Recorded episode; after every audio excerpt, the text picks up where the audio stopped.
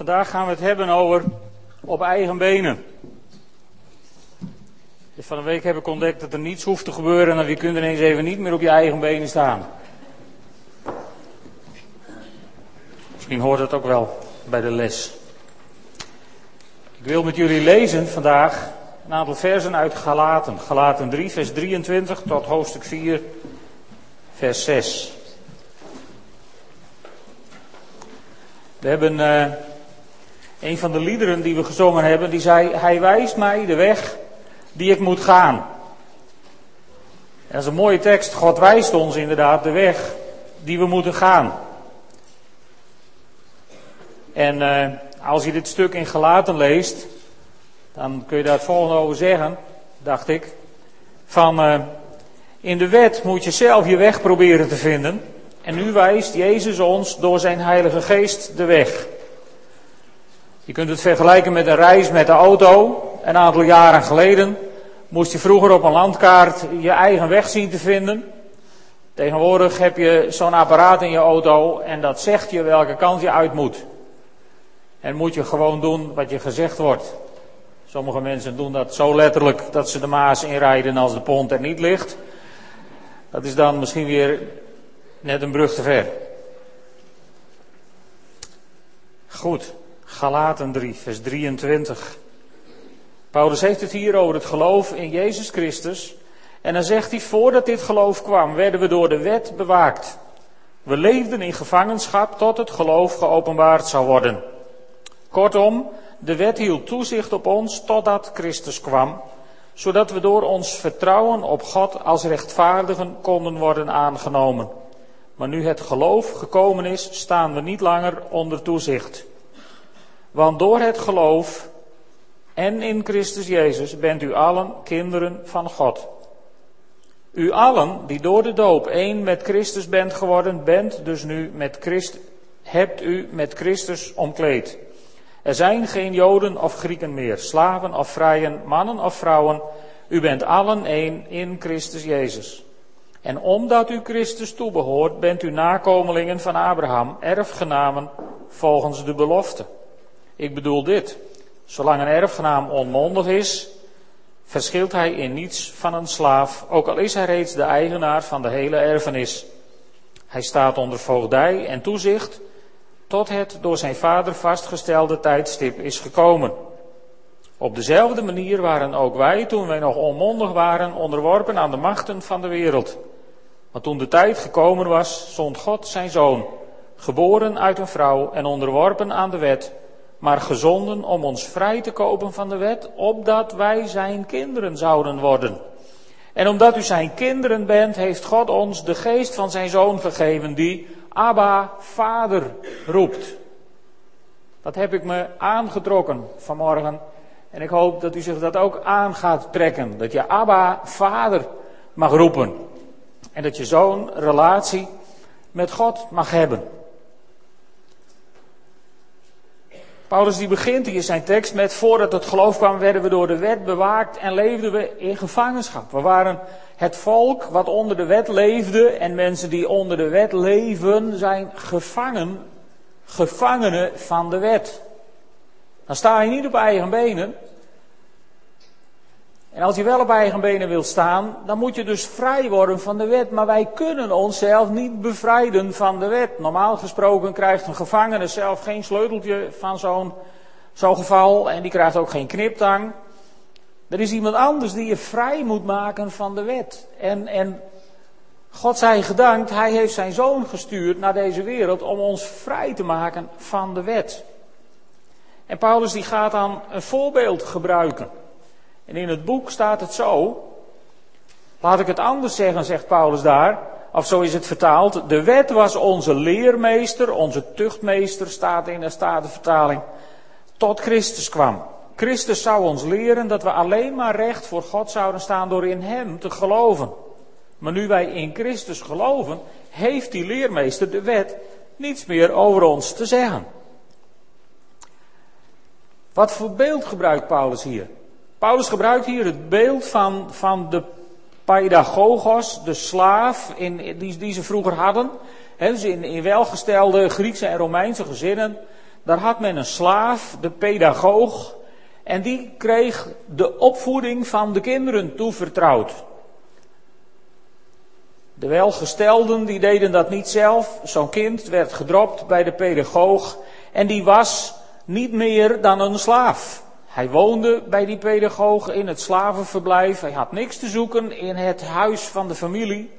Hij was, zoals Paulus het hier in, in Galaten ook neerzet, hij was niets meer. Hij was gelijk aan een slaaf, zo'n kind. En die, die pedagoog, die, die voedde het kind op, onderwees het kind, zorgde dat het kind eventueel onderwezen werd door anderen. Want zo'n pedagogos, zo'n slaaf, was vaak veel slimmer dan de vader van het kind. Want in de regel waren de welgestelden in, in de Romeinse cultuur, dat waren de ruwe soldaten die het op het slagveld goed hadden gedaan, die slim hadden geplunderd en goed waren beloond en dus welvaart hadden verzameld. En die pedagoog, die slaaf, ja, dat was een geleerd iemand die de pech had door de Romeinen verslagen te zijn en vervolgens tot slaaf gedegradeerd en meegenomen. En die mensen voerden de kinderen op. En die pedagoog, ja, die, die was daar dus mee belast. Tot er een moment kwam dat het kind groot genoeg was, oud genoeg was, voor volwassen min of meer werd aangezien. Bar mitzwa zou je kunnen zeggen bij de Joden met een jaar of twaalf. En bij de Romeinen was het misschien rond diezelfde tijd. En dan werd zo'n kind bij de vader gebracht. En dan werd zo'n kind aangenomen als zoon. Daar komen we straks even op terug, verderop in Galaten. En uh, waar gaat het dan over? Dan, dan, dan zegt de Bijbel hier, van, van door het geloof en in Christus Jezus zijn wij kinderen van God geworden. Ook, ook het volk van God, zeg maar, voordat Jezus op deze wereld kwam, was er de wet. Als een tuchtmeester, als een soort pedagoog, om, om, om het plan wat God had met deze wereld, en dat plan dat was om, om deze wereld weer te bevrijden van de machten van de duisternis. Maar totdat Gods tijd, de volheid der tijden gekomen was, moest er een volk bewaard worden, moest er een groep mensen bewaard worden, wat, wat zeg maar die goddelijkheid in zich droeg en die op een gegeven moment de Messias zou kunnen voortbrengen. En zo werd dat volk onder tucht van de wet geplaatst, zodat, zodat ze bewaakt zouden zijn gevangen zouden zijn. En je leest in de geschiedenis van Israël dat ze vaak uitbraken uit de gevangenis. En elke keer door God er weer in terug moesten worden gebracht. En dan komt Jezus Christus en die sterft aan het kruis. En daar roept hij uit, het is volbracht. En op dat moment is de wet vervuld. Jezus maakt dat duidelijk. Daar hebben we de vorige keer naar gezien. Jezus heeft de wet niet afgeschaft, maar hij heeft de wet vervuld door de straf te dragen voor het feit dat we niet gehoorzaam genoeg zijn geweest aan de wet.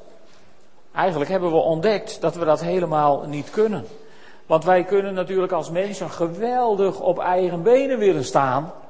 Alleen als je op eigen benen meent te staan, dan moet je niet uit het oog verliezen dat wij een God hebben die nooit laat varen het werk van zijn handen. Dus jij kunt wel denken dat je op eigen benen staat, maar God laat niet los wat zijn hand één keer is begonnen. Tenzij je zegt, Heer, moet u eens goed luisteren, ik wil dat u me loslaat. En dan zijn er mensen die hebben niks meer met God en die, die denken dat ze helemaal vrij in deze wereld staan en die hebben niet in de gaten dat als God je loslaat, iemand anders je vastpakt. Want het is of God die niet loslaat wat zijn hand begon. Het is of God die je vasthoudt. Of het is de macht van de duisternis die je vasthoudt.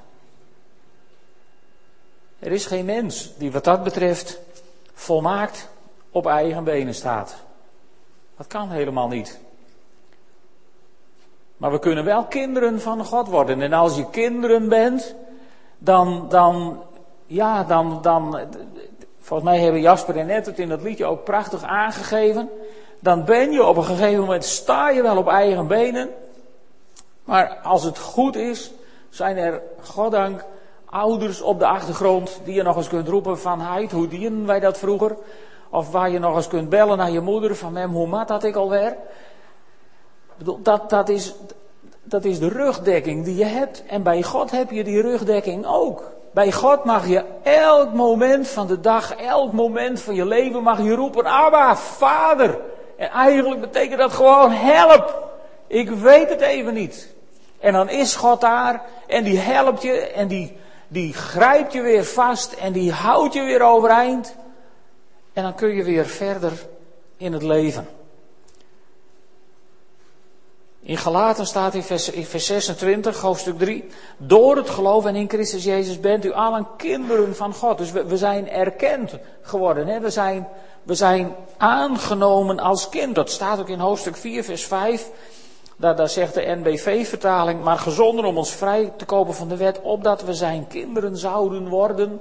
En, en in, in de, de oudere vertalingen, daar gaat het daar over de aanneming als zonen. Dus de, de erkenning van het feit dat je een kind bent. Ik heb daar eens een, een prachtig verhaal van iemand over gehoord. En ik weet niet of het historisch helemaal waar is, maar het verhaal is mooi. En dat beschreef hoe dat dan ging. Zo'n kind was in alles gelijk aan de slaaf, aan de pedagoog, waardoor hij werd opgevoed. En dan kwam er een dag en dan was het kind opgeleid, klaar met zijn school, zeg maar. En dan was het tijd dat het kind niet meer door de pedagoog werd opgevoed, maar het vak van vader moest gaan leren. En dan moest hij dus door de vader verder worden opgeleid.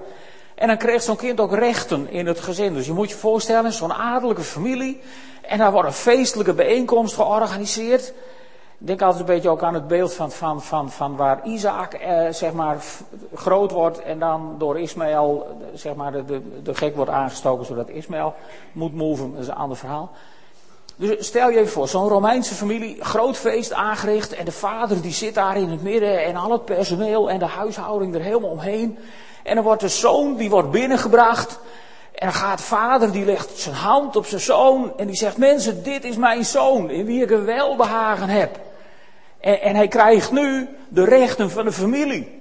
En hij krijgt nu een, een, een, een, een kleed, een mantel aan. Denk even aan het verhaal van Florizan. Hij krijgt nu een mantel aan. Waar je kunt zien dat hij bij de familie hoort. In Schotland zou je een kilt aankrijgen met de, de, de goede ruitjes van de clan. En, en hij krijgt een ring aan zijn vinger, zodat je kunt zien, hij heeft, hij heeft wat te zeggen. En hij krijgt sandalen aan zijn voeten, want de slaven die liepen op blote voeten. Maar, maar hij is nu niet meer slaaf, hij is nu mijn zoon geworden. In wie ik een welbehagen heb. En personeel, in vervolg kun je beter doen wat hij zegt. Want hij heeft autoriteit van mij gekregen in de familie. En nou wij. Wij zijn geboren in zonde. Misschien denk je, nou ja, dat valt bij mij wel wat mee. Dan hebben we nog een probleem. Er is pastoraat in zaal 3, geloof ik na de dienst.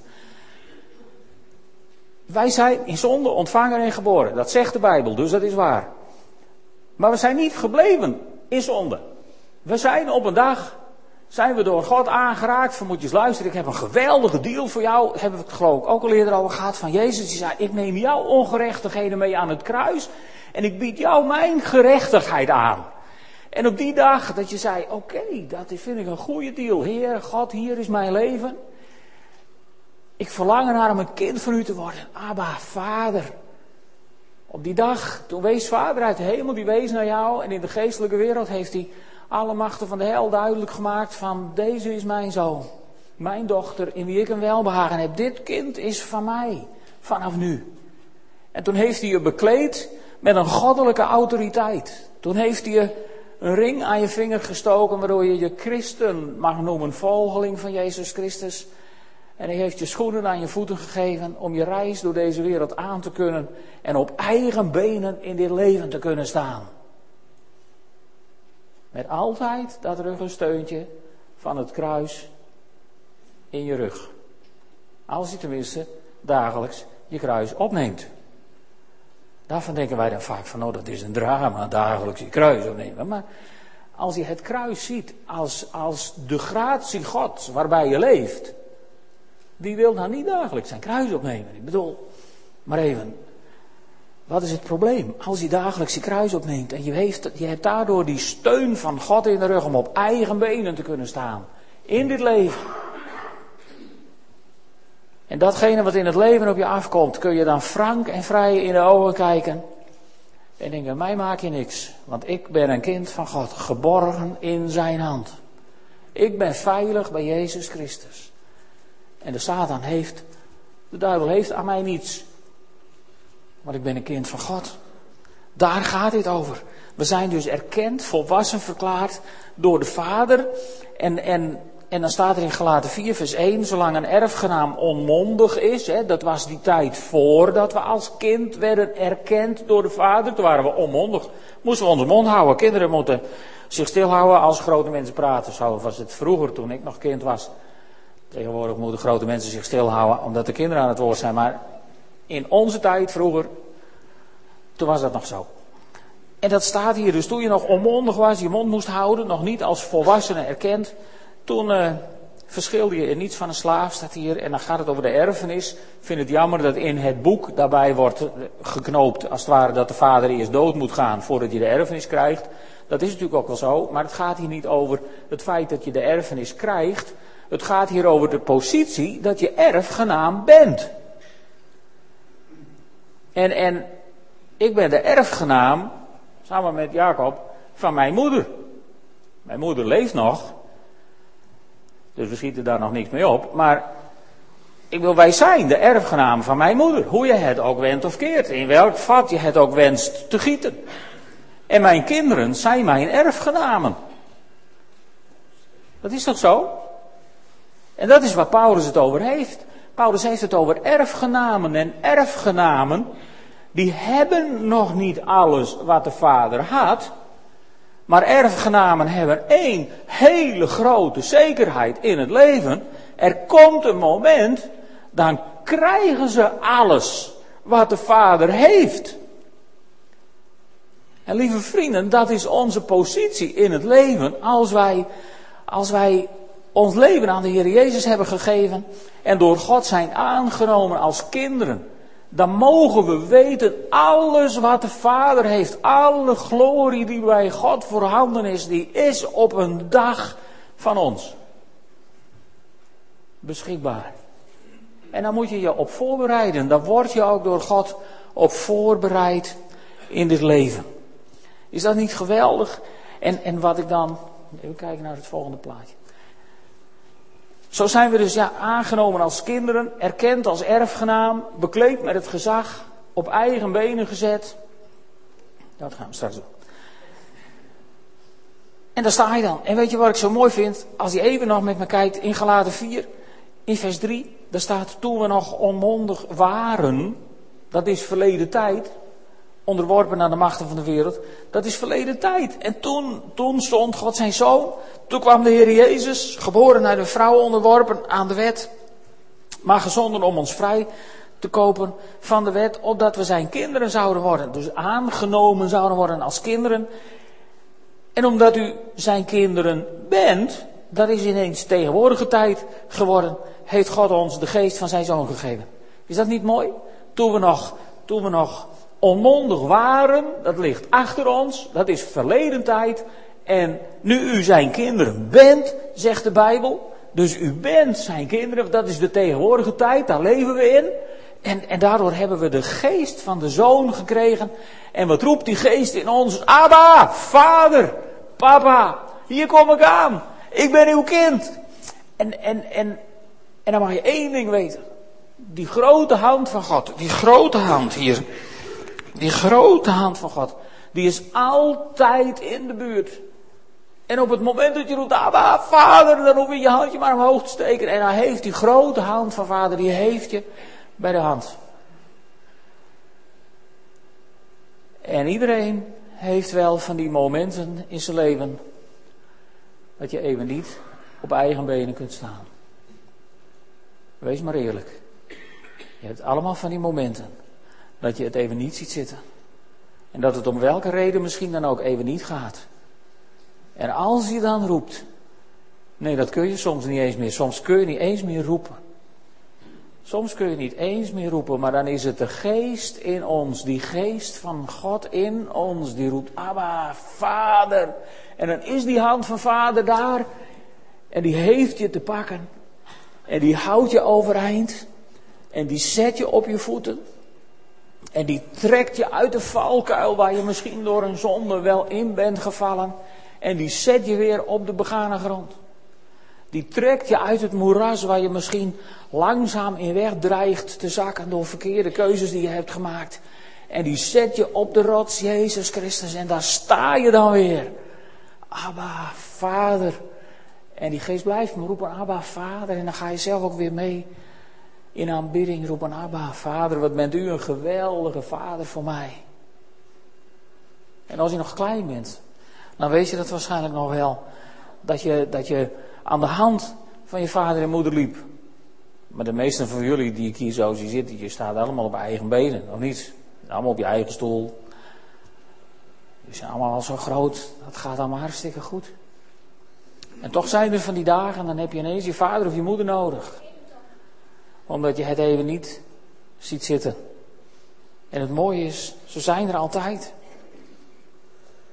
Het nadeel is dat je ook moet doen natuurlijk wat je vader en moeder zegt. En op school moet je doen wat de meester en de juf zegt. Maar hoe groter je wordt, hoe meer je zelf mag bepalen hoe je de dingen doet. Hoe je de dingen aanpakt. En je komt steeds meer op eigen benen te staan. En daardoor word je ook steeds meer zelf verantwoordelijk. En wat je ziet, is dat mensen het eerste wel willen, op eigen benen staan. En het tweede liever niet, zelf verantwoordelijk willen zijn. En dan hebben we een probleem. Want goed op eigen benen staan vraagt om geestelijke groei. En daar wil ik het heel even met jullie over hebben. Over geestelijke groei. Er is een prachtig onderzoek over geestelijke groei.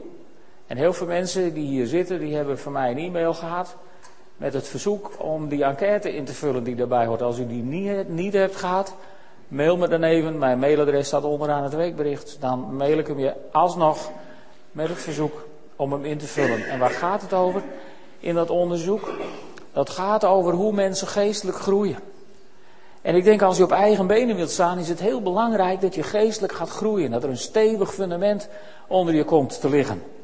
En in, in veel gemeentes hanteert men het model van als je maar veel meedoet aan kerkelijke activiteiten, des te meer zul je groeien in het betonen van liefde naar God en anderen.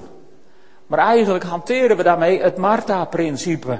Hoe meer je rent en hoe meer je draaft en hoe meer je doet, hoe beter je relatie met God wordt. En Maria, Maria, ja, die zat daar maar, hè, die had het makkelijk. Die zat daar maar een beetje aan de voeten van Jezus. En Martha, die sleepte zich het heen en weer. En toch zegt Jezus dan tegen Martha, maar Martha moet je eens luisteren. Maria heeft het goede deel gekozen. Zij zit aan de voeten van Jezus. Ik denk dat Maria geestelijk meer groeide dan Martha met al haar geren. Maar is dat wel zo?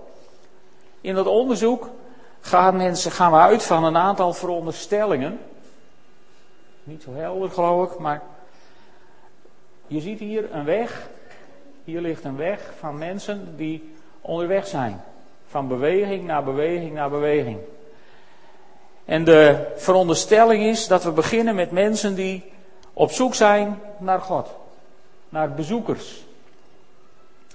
Dat staat daar, wat u niet kunt lezen waarschijnlijk. Bezoekers. Mensen die op zoek zijn naar God. En dan krijg je mensen die worden deelnemer. Volgende week sluiten een aantal mensen zich weer aan hier bij de gemeente. En daar word je niet meer of minder gered van. Maar je sluit je wel aan bij een gezelschap wat samen op, op, op zoek is, samen wil groeien in Jezus Christus. En dan word je dus deelnemer. En de volgende fase is dat je dicht bij Christus komt, dat je een volgeling van Christus wordt. En de vierde fase is dat je Christ-centered bent. Dus dat Christus het centrum is van je leven. We hebben er zo pas ook een lied over gezongen en iedereen zingt het heel braaf mee. En, en het is goed om jezelf misschien eens af te vragen van is, is Jezus Christus echt het absolute centrum van mijn leven? Waar al mijn beslissingen om draaien. Dan ben je echt een discipel van Jezus Christus geworden. Je kunt ook zeggen van, van in, in de woorden die we in de gemeente hebben. Als je, als je, als je op zoek bent naar Jezus en, en, en begint te groeien in Christus, dan ben je Hem nog aan het ontmoeten. En als je dan besluit met Hem op weg te gaan, dan ga je groeien. En als je dan groot genoeg gegroeid bent, zeg maar, en helemaal vol bent van de dingen van Jezus, dan kun je daarvan gaan uitdelen aan de mensen om je heen, aan de mensen die je tegenkomt. Dat is ook de bedoeling van dit verhaal hier in Galaten. Op het moment dat je door de Vader erkend wordt als kind van Hem, van dit is mijn zoon, mijn dochter, dan krijg je niet alleen de rechten die dat met zich meebrengt, je krijgt ook de plichten die dat met zich meebrengt. Je kunt het ook vergelijken met de thema's die we, die we hanteren. Vorig jaar hadden we als thema op reis met God. De zoeker die op een gegeven moment deelnemer wordt, die besluit om op reis te gaan met God. Het avontuur aan te gaan. Je zou kunnen zeggen, als je besluit op reis te gaan met God, toen Jezus de discipelen tegenkwam en zei, volg mij, toen volgden ze hem en ze gaven hem het voordeel van de twijfel. We gaan achter hem aan, we gaan kijken. En toen ze hem gingen volgen, toen kwam de volgende fase, toen gingen ze groter groeien. Want als je dicht bij Jezus bent, ga je groter groeien. Dat is onoverkomelijk. Als je dicht bij Jezus bent en als je, als je Hem volgt en als je ervoor kiest om een, een relatie met Hem te hebben, dan ga je lezen in zijn woord, dan ga, je, dan ga je hem aanbidden, dan ga je zijn aanwezigheid zoeken, dan ga je in een gemeente, hier of ergens anders, het maakt allemaal niet zoveel uit, maar dan ga je in een gemeente meedoen, luisteren naar de preek, samen zingen, samen gemeenschap hebben, straks bij de koffie, af en toe avondmaal vieren, uh, lid worden, je laten dopen, hebben we straks binnenkort ook nog een doopdienst in de planning. Allemaal van die dingen, die ga je allemaal doen. Je gaat groter groeien en je komt steeds dichter bij Jezus. En dat derde thema op deze reis, dat moeten we nog bedenken. En om dat derde thema te bedenken, hebben we iets van uw hulp nodig. Want die weg die daar wordt neergezet van al die fases, dat is niet een rechte lijn. Van de ene rijdt links, de andere rijdt rechts. Nee, het slingert allemaal door elkaar. Het is een weg van bewegingen. Een weg waarop iedereen zijn eigen pad gaat. En in het onderzoek wat we nu aan het doen zijn als gemeente, daarin staan een paar vragen centraal. Eén vraag is van wat zorgt er nou voor dat een bezoeker zich aansluit en deelnemer wordt? Daarom willen we ook altijd zo graag bij een toetreding van een paar mensen horen van waarom nou deze gemeente? Op zo'n introductieavond is dat ook de vraag geweest. En wat brengt je nou bij deze gemeente? Dat willen we graag weten. Niet om onszelf beter te voelen, maar omdat het belangrijk is te weten wat zijn nou de belangrijke dingen daarin, zodat je daar als gemeente aan kunt werken. De tweede vraag is, hoe wordt een deelnemer een volgeling van Christus? Hoe verleid je iemand die, die bij een gemeente zich heeft aangesloten? Hoe leid je die naar het punt waarop iemand zegt, maar ik wil niet alleen lid zijn van de gemeente, ik wil Jezus volgen in mijn leven. En waardoor wordt dan iemand die Jezus volgt een discipel van Jezus Christus die zo vol is van God dat hij als een zoutend zout in de wereld staat, als een lichtend licht waardoor de naam van God wordt verheerlijkt. Hoe krijg je dat voor elkaar? Soms heb je van die mensen die, die kom je tegen en die hebben het altijd over Jezus. Er zijn twee soorten mensen die het altijd over Jezus hebben. Er zijn mensen die hebben het altijd over Jezus waarbij je denkt, oh nee, niet weer. Die bedoel ik niet. Maar je hebt ook mensen die hebben het altijd over Jezus. En die hebben altijd wat geweldigs over Jezus te zeggen. En, en, en, die, die, die hebben in elke situatie, weten ze met mensen over Jezus te praten zonder dat het irriteert. Zonder dat mensen in, in de vangrail gaan hangen van, oh dit wil ik niet. Sommige mensen hebben die gave. Een gave of is het een keuze om te zeggen, Heer Jezus, ik wil een discipel van u worden en ik durf je het morgens wel eens te bidden, Heer, ik wil vandaag door u gebruikt worden om een zondaar bij u te brengen. Doodeng. Goed, verschillende mensen. En die categorieën die pas in die plaatjes staan, dat zijn geen waardeoordelen. De enquête gaat er ook niet over van en waar sta jij? Daar gaat het helemaal niet over. Het gaat over deze vragen. En om daar een antwoord op te krijgen, daar heb je natuurlijk leiding van de Heilige Geest voor nodig. Als bestuur van de gemeente zoeken we de leiding van Gods Geest. En we gebruiken daarbij intensief het woord van God. In elke preek, in elke Bijbelstudie. Soms denk je tegenwoordig misschien wel eens bij het voorbereiden van de Bijbelstudie. Mens, wat een Bijbeltekst moet ik opzoeken. Maar je kunt je beter overeten aan Bijbelteksten dan aan heel veel ander voer. Want hier word je niet dik van. Dus het is niet gauw te veel. Klaag niet, maar werk eraan. Dus de Heilige Geest en het Woord van God en uw hulp als u die enquête wilt invullen. En uw computer wordt daar echt niet oververhit van. En u zelf ook niet. Maar neem de tijd er alsjeblieft even voor. En dan is het kernthema, is hoe word ik, en dat zou het kernthema moeten zijn van iedere gelovige volgens mij hoor. Hoe word ik een volwassen christen die op eigen benen kan staan? En wat moet mijn gemeente of mijn voorganger doen om mijn geestelijke groei te ondersteunen? Ik vind het persoonlijk een hele enge enquête. Want er staan erg veel vragen in over uw voorganger. Ik leg mezelf onder het fileermes. En dat maakt me in dit geval niks uit. Want als het kan helpen om samen groter te groeien. Naar een gemeente vol discipelen van Jezus Christus. Dan wil ik daar ook veranderingen voor ondergaan. Als dat moet. Dus vult u maar vrijmoedig in wat u vindt. En dan kom je bij de vraag, en wie doet dan wat? Eigenlijk. Ik voel hem aankomen. Wie doet dan wat? Gaan we dan helemaal vertrouwen op statistieken? Nee, absoluut niet. Want weet je, God verandert mensen. Vaak proberen wij mensen te veranderen. En hopen we maar dat God ze lief heeft. Maar de Bijbel geeft ons de opdracht om onze naasten, om mensen lief te hebben als onszelf. Lief te hebben. En als wij ze lief hebben en in aanraking brengen met die liefde van Jezus Christus, moet je eens opletten wat er gebeurt. Dan verandert God mensen.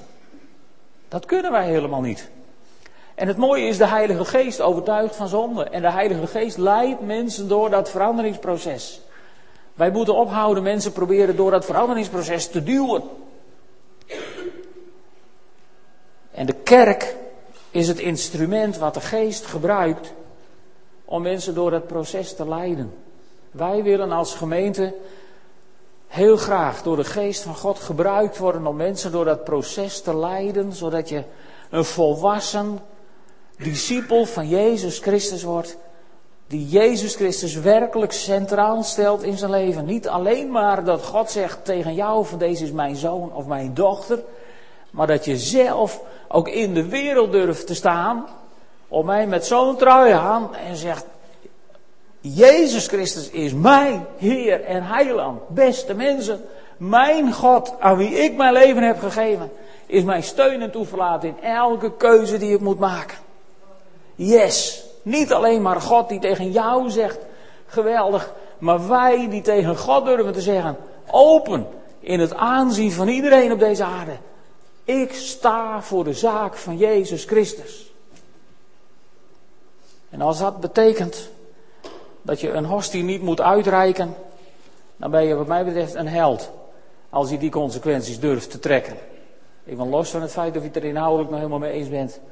Maar mensen die staan voor de zaak waar ze voor zeggen te staan, dat wordt steeds zeldzamer. En de kerk is het instrument wat mensen daarvoor wil gebruiken. Dus wij hebben daarin een taak als kerk. Niet ik alleen als voorganger of wij alleen als bestuur of, of alle takken van werk, maar wij, wij met elkaar hebben hierin een taak. En weet je, soms kun je denken van mensen leiden naar een volwassenheid in Christus. Dat is onbegonnen werk. Dat is het ook. En daarom moeten wij er niet te hard aan trekken, maar mensen confronteren met de liefde van Jezus Christus. En als er dan toch gewerkt moet worden, dan is er één geweldige belofte. Er is kracht in het bloed van het lam. Daar was hij weer. Er is kracht in het bloed van het lam. Er kan niets op deze aarde zo moeilijk zijn. Er kan niets op deze aarde, er kan niets in uw leven zo zwaar zijn dat u het met hulp van God niet aankunt. Want er is kracht in het bloed van het lam. En daarom zijn we niet bang voor de uitslagen van deze enquête. Want we zijn ervan overtuigd dat het ons wegen gaat wijzen, dingen duidelijk gaat maken, waar we ons op moeten concentreren. En dan gaan we het aangezicht van God zoeken hoe we dat moeten doen. En dan gaan we niet schuwen het werk wat er misschien uit voortkomt. Want we geloven, we weten zeker dat God de kracht zal geven om die weg te gaan die Hij ons wijst. Geloven jullie dat ook? Staan we zo in ons geloof? Zijn we inmiddels zo ver als kinderen aangenomen dat we alles in deze wereld aandurven en dat we elke keer weer ons handje in die grote hand van God leggen en zeggen: Abba, Vader, wat zijn wij sterk. En God grinnikt even en hij zegt: Ja, jongen, ja, meisje, wat zijn wij sterk. Amen. Zullen we samen een moment bidden? Mag ik jullie vragen op te staan? Vader in de hemel, wat is het geweldig om te mogen weten dat u ons hebt aangenomen als uw kinderen. Wat is het geweldig kostbaar om te weten dat u ons van die gevangenschap van de wet hebt bevrijd. En dat we nu uw kinderen mogen zijn met, met alle verantwoordelijkheden en met alle rechten. Dank u wel, Heer, dat u ons zo'n positie hebt gegeven in deze wereld. En, en mijn gebed is, Heer, als we, als we straks avondmaal vieren, dat we dan gesterkt mogen worden door brood en wijn, dat we kracht mogen ontvangen.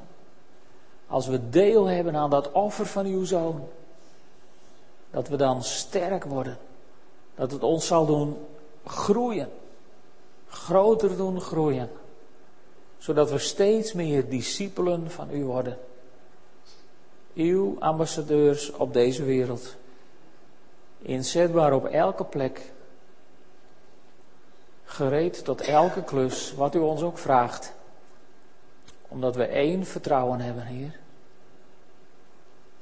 Uw hand is altijd in onze rug. En telkens als we roepen, Abba, Vader, dan hebt u ons bij de hand. Heer, wat is het mooi om zo in dit leven te mogen staan. Ik prijs uw naam daarvoor. Halleluja. Amen.